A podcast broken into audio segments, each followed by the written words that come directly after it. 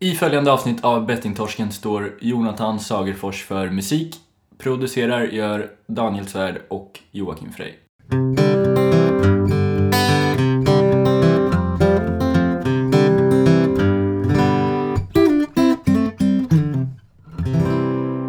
Hej och välkommen till Bettingtorsken.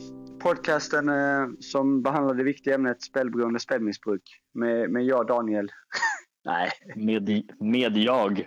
Fan vilken Ja, men jag ska säga med, med, svenska. med, nej, men med jag, eh, Daniel Svärd och Joakim Frey. Men jag försökte luras va, men det gick inte så bra. Aha.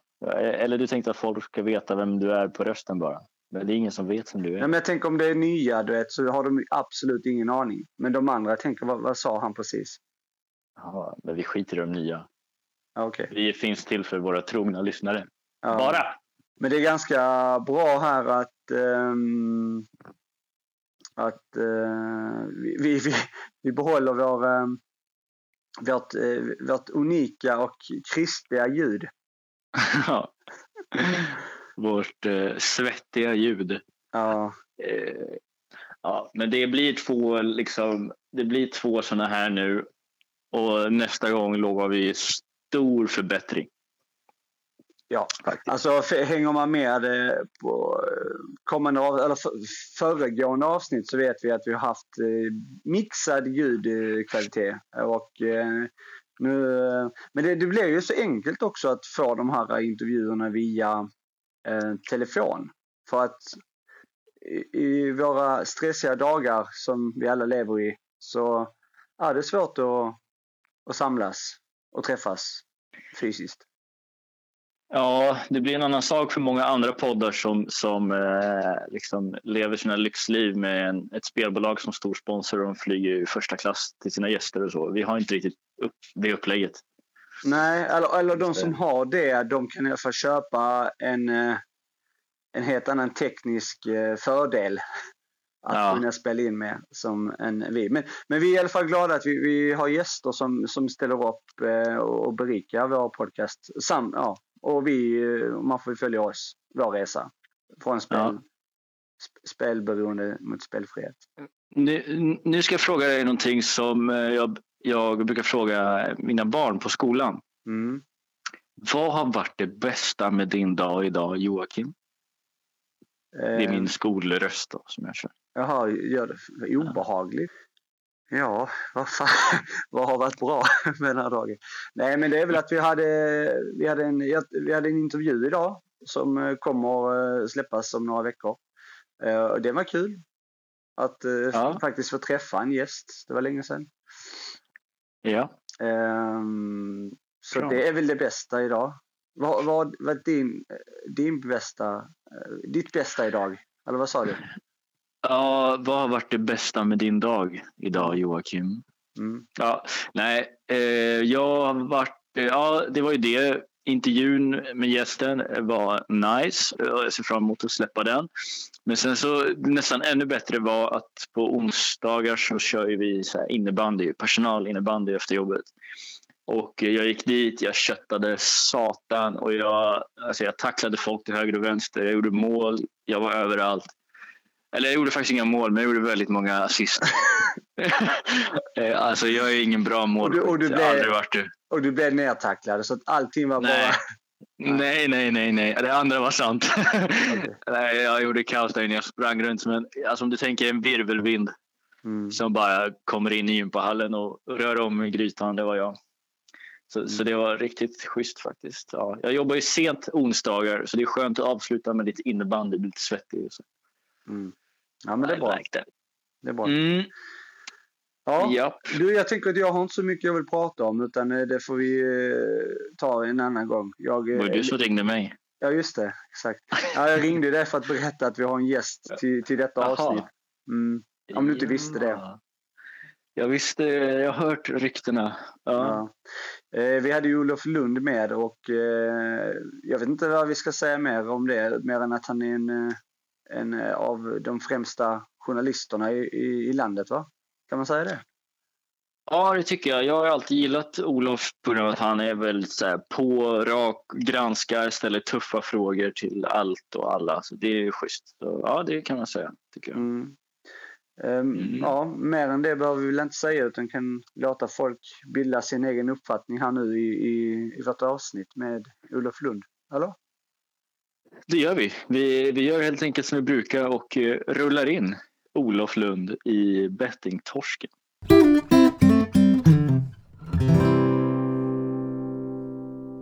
Så, då var vi igång här med eh, dagens gäst Olof Lund. Hej Olof! Hej! Hej! Eh, vi, en liten kort presentation kanske bara, eh, för de som inte vet vem du är. Eh, vem är Olof? Eh, jag är journalist, eh, jobbar eh, främst på TV4 och på Fotbollskanalen och även Simor. Och från början är jag från Lund och jag har jobbat som journalist i lite drygt 20 år. All right. Förutom jobb och så här, har du någon, vad har du för intressen och hobby och så här? Ja, herregud. Eh, det har jag väl nästan inte någon riktigt. Så jag spelar lite golf på sommaren men annars kan jag inte säga att jag har någon hobby. Utan, okay. eh, min hobby blev ju på något sätt mitt jobb och ja, det flyter lite ihop helt enkelt. Ja. Var i Lund kom Jag kommer själv från Arlöv nämligen, så det är ju mellan Malmö och Lund. Ja, eh, jag är från ett område som heter Tuna i Lund och uppvuxen där och bodde kvar i Lund till jag var 28 så att jag eh, var kvar länge i Lund. Gött. Härligt. Bra. Jag, jag, jag, tog för givet, Olof, att du var från Landskrona för jag har sett lite bilder du lägger upp om Landskrona Boys och sådär. Men eh, ja, så kan det vara. Man lär sig. Ja, och då är det så att min pappa är från Landskrona och jag fick en, eh, en boysträck när jag var sex år och kanske inte fotboll var det starkaste Eh, den starkaste sporten i Lund så då fastnade jag för eh, Landskrona. Men jag har faktiskt aldrig bott, jag har inte ens bott en natt i, i Landskrona vad jag kan minnas. Så att, eh, men det, det finns ju de som tror att jag är från Landskrona. Men nej, jag är från Lund. Född och uppvuxen i Lund. Okej, okay, okej. Okay. Bra. Men som du vet, alltså, den här podden handlar om spelberoende och spelmissbruk. Ehm, bara till att börja med, har du någon egen relation till det här ämnet och hur ser du på på den här eh, ja, frågan, om man ska kalla det så, generellt? Alltså, det är klart att jag har en relation till spel eftersom spel är så tätt förknippat med det jag jobbar med, fotboll. Eh, och jag har ju själv eh, en gång i tiden så lämnade man ju in, jag är ju 52 år gammal så att jag minns ju på 70-talet när man eh, lämnade in stryktips och man skulle ha lämnat in det innan klockan sex på, på torsdagar och eh, eh och sen satt man och kollade eh, Tipsextra på lördagar och, och så. Och, eh, så att spelet har ju alltid funnits där och sen så har det utvecklats. Jag, vi spelade ju när vi var unga så spelade vi på något som hette SSP och Kesak. Att man skickade in pengar till England. Helt enkelt bookmakers i England. Det var ju svenskar startade bookmakers. Och, eh, man först fick posta in sina tips och sen kunde man faktiskt ringa fram till, till eh, tre på lördagar och, och ta in sina tips om man hade pengar då och deponerade på det kontot. Och, eh, även eh, minns ju när oddset kom till Sverige och så. Men jag har som tur är kan man säga helt tappat intresset för, eh, för spel. Jag kan faktiskt inte riktigt förklara var, var det kommer ifrån, eh, varför det blev så. För att jag minns ju fortfarande på 90-talet när jag bodde i Stockholm och jag och några kompisar träffades och lämnade in några rader. Men jag hade liksom, ja, jag tappade intresset. Vi spelade mycket som sagt när vi var unga. Jag hade några kompisar, vi spelade mycket spela roulette och kortspel med varandra. Och det kunde vara rätt stora summor så att, eh, därför är jag tacksam att jag är, kom ur det med eh, hälsan i behåll. Mm. Du, du är med här idag lite grann som en medierepresentant om man säger så. så därför så undrar jag lite grann hur du ser på det här med att media har eh, infiltrerats kan man säga av spel på grund av att det är väldigt mycket reklam och stora intäkter just från, från spelbolag. Ja, och där vill jag ju ändå bara säga att liksom det blir fel om jag representerar all media. Jag representerar Nej, inte all media. Men... Nej, nej, nej, nej, men jag bara, jag bara säger liksom att jag har inga problem att svara på de frågorna. Nej, det är ju... Alltså, jag har ju skrivit mycket om det här ämnet och en rubrik jag har haft är ju att vi är alla spelberoende. Alltså vi i media är ju spelberoende. Det går inte att komma ifrån. Jag tror att de senaste två åren har väl eh, bara i annonsering så har det pumpats in runt 10 miljarder i bruttoinvesteringar som kanske är 5-6 miljarder netto efter rabatter och så. Eh, det är klart att det är en jätteviktig faktor så att jag lyfter gärna upp det med tanke på att man gärna kritiserar en del eh, kända människor som knyter sig till varumärken och, och menar att det kan ju vara svårt för oss, även om det inte ett, ett, ett spelbolag är direkt knutet till mig så är jag ju väl medveten om att både TV4 och Simon och Fotbollskanalen tar in intäkter via spelbolag och det indirekt betalar min lön. Precis som det gör för journalister på Aftonbladet eller Expressen eller så. Och eh, mm. det är ju naturligtvis ett, ett problem och jag, jag, tror att vi kommer hamna i en situation där antingen spelbolagen reglerar sig själva, lite som det är tal om i England, eller att man gör som i Italien eller Belgien där man liksom begränsar eh, lagligt sett begränsar hur mycket annonsering som får göras. Mm. Eh, skulle du vilja säga att det går att liksom behålla en, en bra trovärdighet när, när det är så här pass mycket? Jag tänker att du och flera andra liksom, som vi uppskattar lyfter ämnet och, och kritiserar och så. Men eh, vad, vad tänker du om just den biten? Hur mycket, hur mycket trovärdighet kan man egentligen påstå sig ha när det är, ja, när det är så pass mycket som det är idag? Mm. Ja, jag alltså då får man ju också säga så att det är ändå börsnoterade företag eh, som finns på den svenska börsen som nu ska betala skatt i Sverige och så. Vi har ju en väldig massa problem med alkohol, eh, även om det då ligger i, i Systembolagets eh, eh, folla. Liksom. Alltså, Nej, det, det, det är svårt att vara människa tyvärr. Uh, det mm. finns lockelser. Folk, vissa krökar ner sig och, och på något sätt förstör sitt liv där andra tyvärr då spelar bort och förstör sitt liv. Och, ja, jag kan inte säga att jag inte har någon tro, alltså att jag skulle såga min egen trovärdighet för att det finns spelreklam. Nej, det tycker jag är fel. Det är klart att man kan tycka att uh, nej, du borde säga upp dig. Men nej, det kan jag inte. Liksom. Jag måste ju, precis som många andra, ha ett, eh, ett, eh, en månadslön och eh, betala räkningar och betala skatt för att samhället ska fungera. Och, men visst är det ett problem med det här. Men det finns ju faror med väldigt mycket i vårt samhälle tyvärr och alla kan inte hantera det. Mm. Mm. Men för det, för det är lite det jag tänker också, just att det måste väl vara ganska svårt att rapportera om spelberoende människor som, framförallt vissa offentliga personer som gått ut och pratat om deras spelmissbruk. När man också idag är eh, sponsrad av spelbolag. Tänker, är det inte så internt att, alltså, att det är bara vad jag själv tänker att i och med att större intäkten kommer från spelbolagen och så ska man rapportera om missbruk. Är inte det ganska svårt?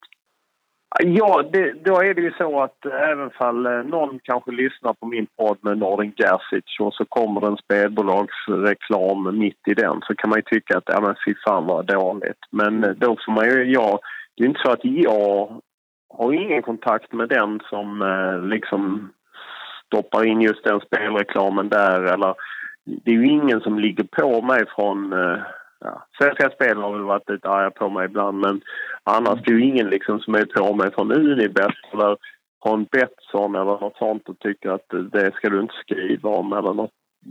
Nej. Alltså i grunden så handlar det om att vad kan jag själv stå för? Jag, kan, jag har inga problem att stå för att jag skriver om i min senaste bok om Babby Stefanis. Jag tycker det var ett, ett viktigt liksom att han fick berätta sin historia och att han faktiskt kan varna andra människor att eh, eh, det är ju liksom oerhört sorgligt med det här. Men det, för mig är det lika sorgligt när någon inte kan hantera alkohol. Mm. Eller eh, något annat som gör att, som liksom finns i vårt samhälle. Och, och jag vet liksom inte riktigt vi har ju ändå valt att vara med exempelvis i EU. Ja, men då blir ju regelverket annorlunda. Det är ju inte som det var på 70-talet att man kunde vara en isolerad ö och man kunde hålla resten av världen på avstånd. Nu är det ju teknik och så. Vad ska, vad ska liksom Stefan Löfven göra åt asiatiska spelbolag? Eh, ja, det är väldigt svårt för Stefan Löfven och de ansvariga att stoppa det och att liksom ta ansvar för det. Och, ja. Världen är ju komplicerad. Den är ju inte svart eller vit tyvärr jag som nykter eh, spelare då, eh, som har haft spelmissbruk själv. Jag, jag, tycker det är väldigt eh, positivt när du som har skrivit om Bavi Stefani exempelvis lyfter ämnet och att det är fler som blir medvetna om problematiken. Så det är ju, det är ju, jag tycker det är jättebra. Eh, men du, du, är inne på den här också, eh, om vi då går in på själva den artikeln som du sa, vi, vi är många som har spelberoende på ett eller annat sätt. Den skrev du för något år sedan här eh, och um, jag tänkte bara för de som inte har läst den, eh, om du skulle kunna utveckla lite eh, vad du menade i den jag, ja, artikeln. Ja, nu vet jag inte exakt vilken du menar. Jag har ju skrivit rätt många sådana olika texter. Men i, i grunden är det ju så att staten har ju länge skjutit på den här liksom omregleringen av spelmarknaden. Därför att det har ju varit viktiga pengar för staten. Eh, jag tror att Svenska Spel 2017 langade upp runt 5 miljarder till staten. Eh, och på många sätt så lever ju liksom man kan säga att lotterier och sånt är inte så farligt. Men menar, det finns ett socialdemokratiskt lotteri, det finns folkspel, det finns ATG. Alltså, som ju också genererar pengar både till staten men också till hästnäringen om vi talar ATG eller folkspel som på något sätt genererar pengar till eh, klubbarna. Men, men det är ju lik förbannat spel. Alltså jag vet ju att Zlatan hade väl någon sån invändning när han fick kritik att han var delägare i ett spelbolag. Ja, men ända sedan jag var liten har jag liksom spelat med spelreklam och, och, och sålt lotter och liknande. Så att det här är ju någonting som liksom har funnits hela tiden. Sen har ju tekniken och vårt politiska skifte att vi gått med i EU gjort att det är ännu svårare att liksom hålla det under kontroll. Men eh, jag tror att det fanns folk som spelade bort allt de ägde och hade på eh, illegala spelmaskiner förr och på bingo och på lotter och på stryktips och hästar och nu finns det många fler alternativ att, att spela på. Det går mycket snabbare och det blir kanske mycket brutalare konsekvenser. Och, eh, men liksom den här problematiken har väl funnits, tyvärr, under lång tid. För att det kommer alltid finnas människor som inte klarar av det. Mm. Mm. Um, vad, om, om vi hoppar över lite till um, det här med matchfixning och sådär. Det är många som uh, gör den kopplingen mellan spelberoende och eh, matchfixning just. Och du har ju varit med och skrivit och belyst det här lite grann. Vad, vad, vad, tänker du om, om det? Är det, någonting, är det ett problem som är större än vad folk tror överlag? Eh, eller hur, vad, vad är din uppfattning om, om det? Jag tycker att det är väldigt svårt. Allting kring matchfixning är ju... Det är svårt att få insyn i det därför att de eh, väldigt få vill kanske sätta dit sig själva. Alltså, om man har gjort en matchfixning så är ju alla på något sätt inblandade och då kanske man inte sätter dit sig själv. Och det är klart att man tycker rent logiskt sett att om man själv spelar och förlorar pengar då borde man ju vara mer sårbar för förslag om att eh, rigga matcher helt enkelt.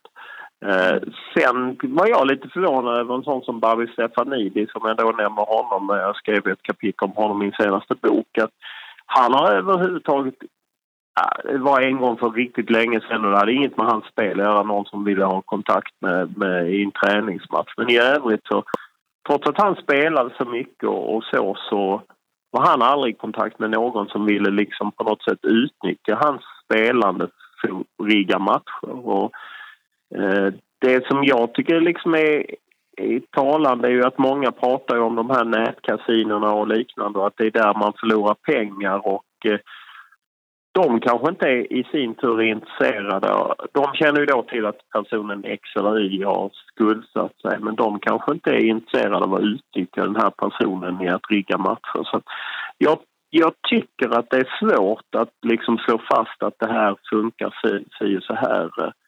Eh, mm. För jag vet inte och jag tycker inte riktigt någon har kunnat visa det heller därför att det är fortfarande lite lite diffust kring det. Men att det förekommer är ju rätt givet och att det är ju naturligtvis sorgligt att, att man spelar i, i unga år och att man där kan bli lockad att ja, men om vi förlorar våran match så eh, kan vi satsa på det och, och tjäna pengar på det. Och det kan jag ju verkligen förstå att man liksom som 16-17-åring, alltså att man liksom inte riktigt fattar konsekvenserna. Man tycker inte det är så allvarligt utan man, man spelar liksom på, ja, eh, på sin egen match. Och, och där är det ju det är naturligtvis en stor, eh, mycket utbildning som krävs men eh, jag tror att det kommer man nog aldrig riktigt komma åt därför att det kommer alltid finnas människor som på olika sätt lockas av att vara med i det och att tjäna pengar och, och så. Att, eh,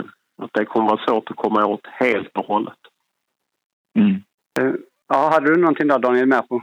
Nej, nej, kör på. Nej, nej jag tänkte höra Olof, du, du har ju träffat eh, vad jag förstått en del spelbolag, i alla fall Unibets Anders Ström. Um, han var medverkar i din podcast. Uh, jag tänkte bara höra, ja, jag tänkte bara höra hur din känsla och intryck uh, Eh, ja, hur, hur din känsla och intryck kring hur spelbolagen verkligen menar allvar med att ta ansvar för, för de som har problem, alltså problemspelarna.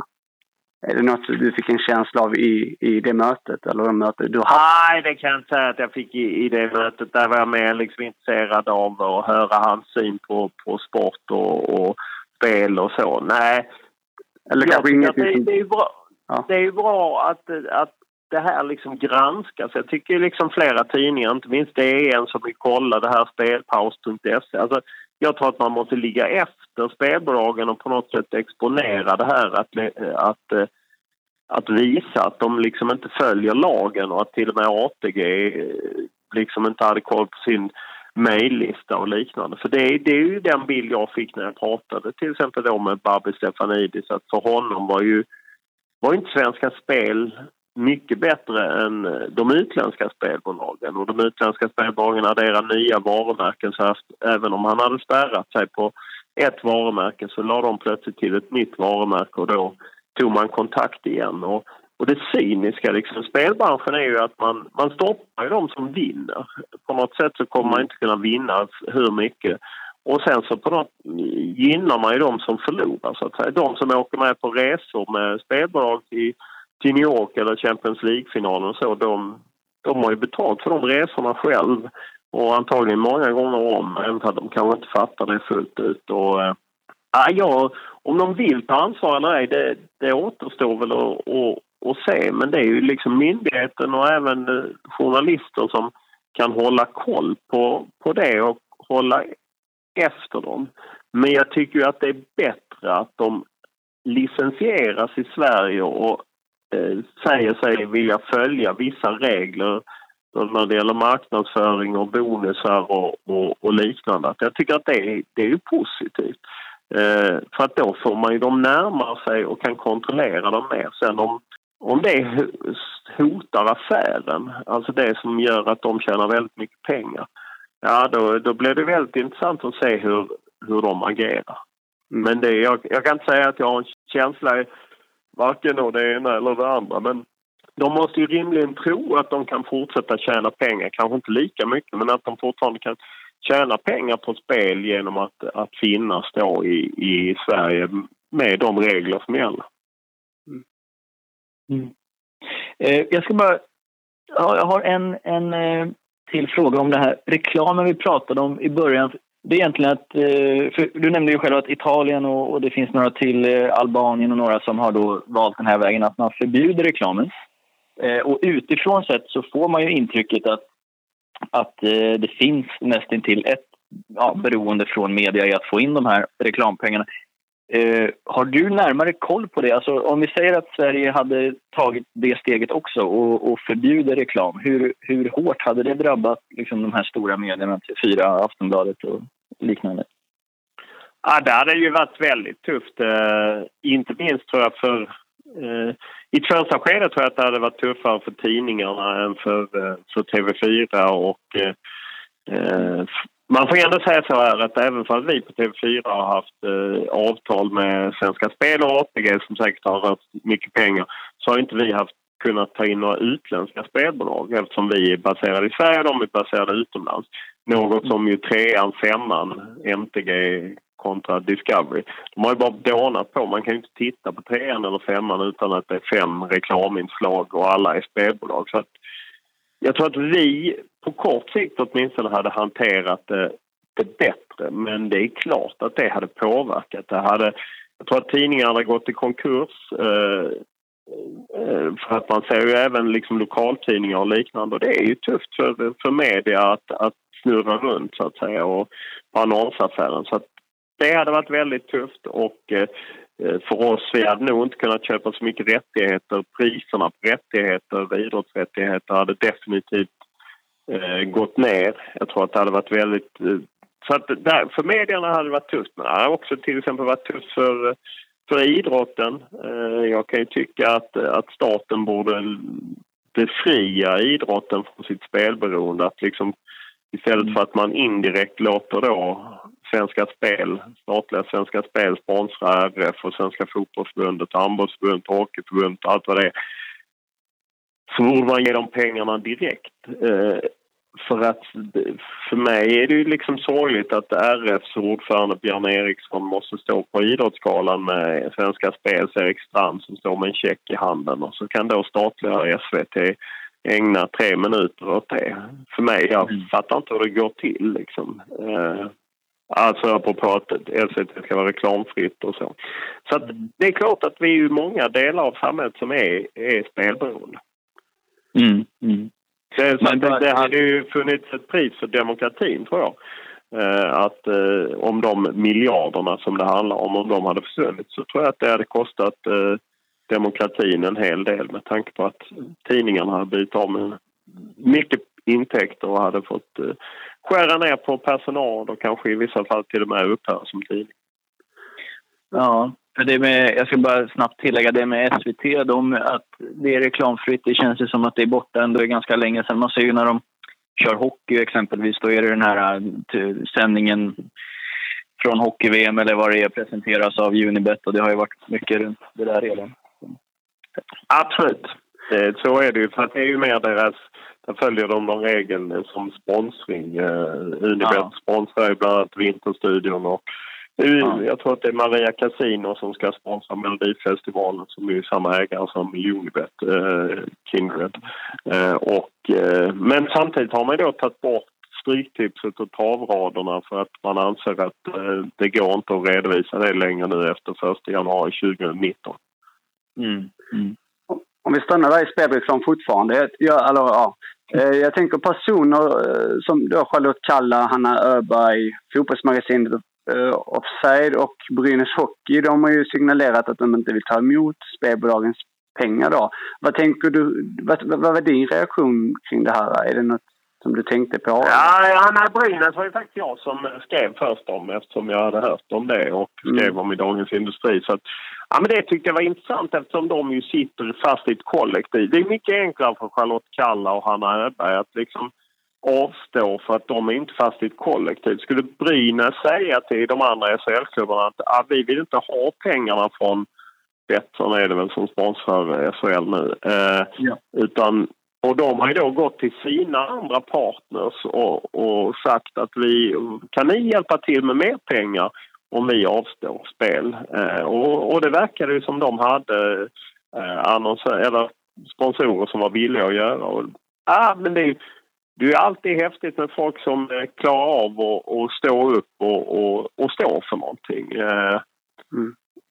Som Charlotte Kalla och Hanna Öberg och, och Nej, men jag, jag tycker det, det, är också en spännande satsning som Offside gör som eh, liksom väljer att, att stå utanför. Sen eh, att liksom, ja, nej, var och en får ju hantera det bäst de kan själva och, och de kände att de tyckte att de hade svårt att och var, var fristående. Liksom. Och, ja, det får man ju respektera.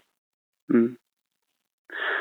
Hur är din egen, alltså hur är din syn när du tänker just med reklam för spelbolag? Alltså att man, eh, som många offentliga förebilder som, som är ju idoler för många unga och eh, som Zlatan, Sara Sjöström och flera som gör reklam. Är det, är det något som du tänker, eh, ja, Är det något du reflekterat över själv? Alltså att det, det kan... Ja, de men kan det leda att, jag kan vara förvånad över... Idag kom ju dessutom att Henrik Lundqvist liksom eh, skrev på ett nytt avtal med Unibet.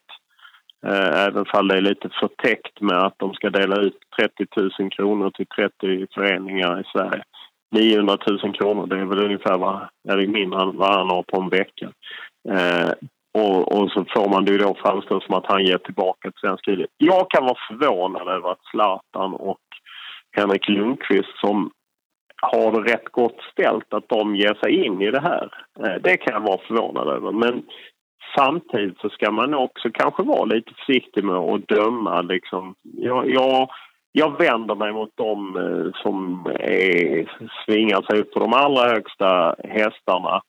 Eh, och när man själv indirekt, som jag, lever på att TV4 och Fotbollskanalen tar in intäkter av spelbolag. Då tycker jag det är svårt för mig att liksom sätta, att peka på, på Zlatan eller på Sara Sjöström. Det är klart att jag hade hoppats att de inte skulle göra det. Men jag kan samtidigt också respektera liksom Sara Sjöström, hon, eh, hon har nog... Eh, ja, men hon kanske inte har så himla lätt att få sponsorer. Och det är en kort karriär, hon har satsat oerhört hårt. Och, eh, då går hon på, på den vägen. Eh, det kan jag kanske mer förstå. Och det finns ju en mängd kändisar som också ger sig in eh, i, i det här. Liksom och jag ska inte säga liksom att jag kommer aldrig göra det. Jag har svårt att se att jag skulle representera ett eh, spelbolag om jag... Men om jag, om, om TV4 skulle säga tack och hej för den här tiden och jag behöver försörja mig och det enda alternativet jag hade var det enda alternativet jag hade var ett spelbolag så kan jag inte säga att eh, eh, jag skulle tacka nej. Liksom. Men jag, kan- tror men- men men jag, kan- jag kan ja. inte liksom garantera. Men kan man då inte som kanske då offentlig person välja alltså, att ta in två sponsorer istället för en? Alltså för att täcka den, den intäkten. Alltså, Ja, men om det var så enkelt att jaga in sponsorer så tror jag att Sara Sjöström hade gjort det. Uh, ja, därmed ska jag... Ja, nej, jag är förvånad när det gäller Henrik Lundqvist och Zlatan Ibrahimovic som bägge har liksom... Inte nog med att de har höga löner som det är nu. De har ju dessutom tjänat enormt med pengar. Uh, jag menar, Zlatan är väl miljardär och det kan kanske Henrik Lundqvist också vara, eller i varje fall väldigt nära miljardär. Eh, då är det för mig svårt att förstå att man gör det. Men vem är jag och liksom... Eh, jag vet inte hur de resonerar. mm. Har du själv fått något erbjudande om att vara ansiktet utåt för, för något spel? Nej. Det var inte det enda erbjudande jag alltså fick var någon gång om jag, eh, de vill ha någon som tippade matchen till något EM, nåt eh, något utländskt spelbolag. Men det kan inte jag göra. Och jag är liksom... Jag menar, jag, jag gör, gör ju inte ens reklam i min egen podd. Alltså om man då säger att eh, Offside gör ju fantastiskt eh, som eh, avstår spelreklam. Men å andra sidan sitter de ju och pratar om... De har ju liksom sponsor sponsorer som köper in sig. Och ett tag i början hade de ju till och med Svenska Elitfotboll, SEF, eh, som jag tycker på ett sätt att de ju granskar att de var då sponsorer. Det skulle inte jag göra. Så att det där är ju lite olika liksom. Och jag, jag har Mm. förmånen att kunna eh, än så länge liksom tack vare att jag har en bra lön från TV4 och att TV4 tycker det är viktigt att jag inte gör såna grejer. Då kan ju jag tacka nej. Men jag, det finns ju hur många som helst poddar i fotbollsbranschen eller, eller de här olika programmen på Eurotalk som har varit på fan-tv innan som ju är, är väldigt spelbolagsfinansierade och där det ju är liksom journalister som sitter med och som gör sina rader och eh, tippar och har sig. Och, ja, Mm. då är man ju plötsligt insyltad i det. Och jag... Samtidigt kan jag förstå det. Om det är liksom möjligheten man har att, att, att få försörjning och hålla på med det man älskar, fotboll, så är det ju inte så konstigt kanske att man gör det. Mm. Va, vad tänker du själv eh, när du ser all eh, spelreklam som floreras lite, ja, nästan överallt kan man säga? Att jag är oerhört tacksam att jag inte ens är det minsta intresserad av spel. Mm. Eh, det tänker jag. Eh, att jag liksom... Eh, jag är väldigt glad över, vet jag har skrivit både i min bok och skrivit krönika om att jag är väldigt glad att det som finns idag inte fanns när jag var 17-18. För jag är inte säker på att jag hade kunnat kontrollera det. Liksom att, eh, att spelandet, att jag var väldigt fotbollsintresserad och det kopplades liksom med spel. Att vi spelade på Ja, man söker spänning på ett annat sätt. Man kan inte fattat allting på samma sätt när man är 17-18 eller att vi spelade mycket poker med varandra och så. Jag är väldigt glad att, att det inte fanns för att jag tror att det hade varit mycket svårare när jag var ung än eh, idag. Och jag är väldigt tacksam att jag inte har det problemet idag. Att, eh, eller jag spelar nästan inte alls. Jag har, någon, jag har en stående måltipsrad som jag har haft med min syster i 20 år. Eh, that's it. Jag lämnar liksom inte ens in ett stryktips. Jag spelar aldrig på matcher.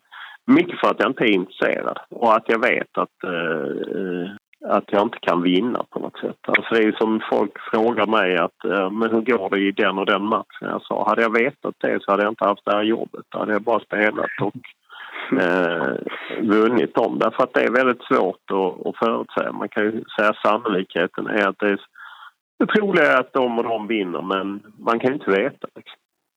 Men, men hade du haft en spåkula så hade du ändå blivit limiterad till slut av bolagen. Så det är en återvändning. Ah, nej, jag, jag, vet ju det också. Jag vet ju det också. Men jag brukar liksom att jag, jag har ingen aning om hur det slutar. Eller jag kan säga sannolikheten, men jag kan inte säga att liksom, eh, ja, de vinner mot dem ja. helt enkelt.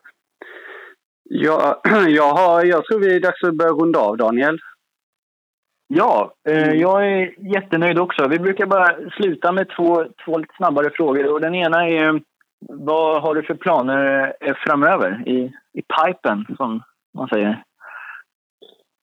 Uh, ja, det är ju att jobba på som vanligt helt enkelt. Jag har inte så spektakulära planer mer än det och i en uh, i en bransch som mediebranschen där det händer väldigt mycket så tror jag inte man ska planera för långt eh, fram i tiden. För man vet inte vad som kan hända.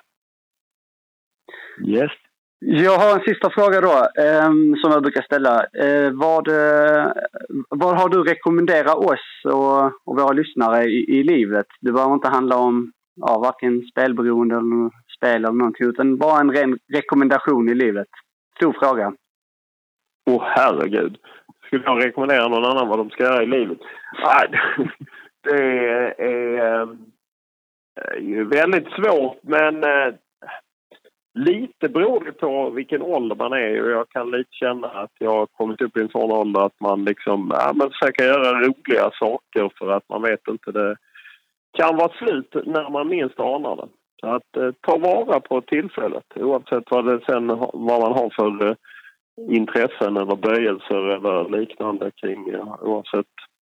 Så att just ta vara på tillfället för att eh, man vet inte vad som händer. Det var en bra, bra rekommendation. Tack så mycket Ola för att du var med och eh, ställde upp eh, efter... Vi har jagat dig ett tag här men det var ju jättefint att vi fick till den här tiden nu.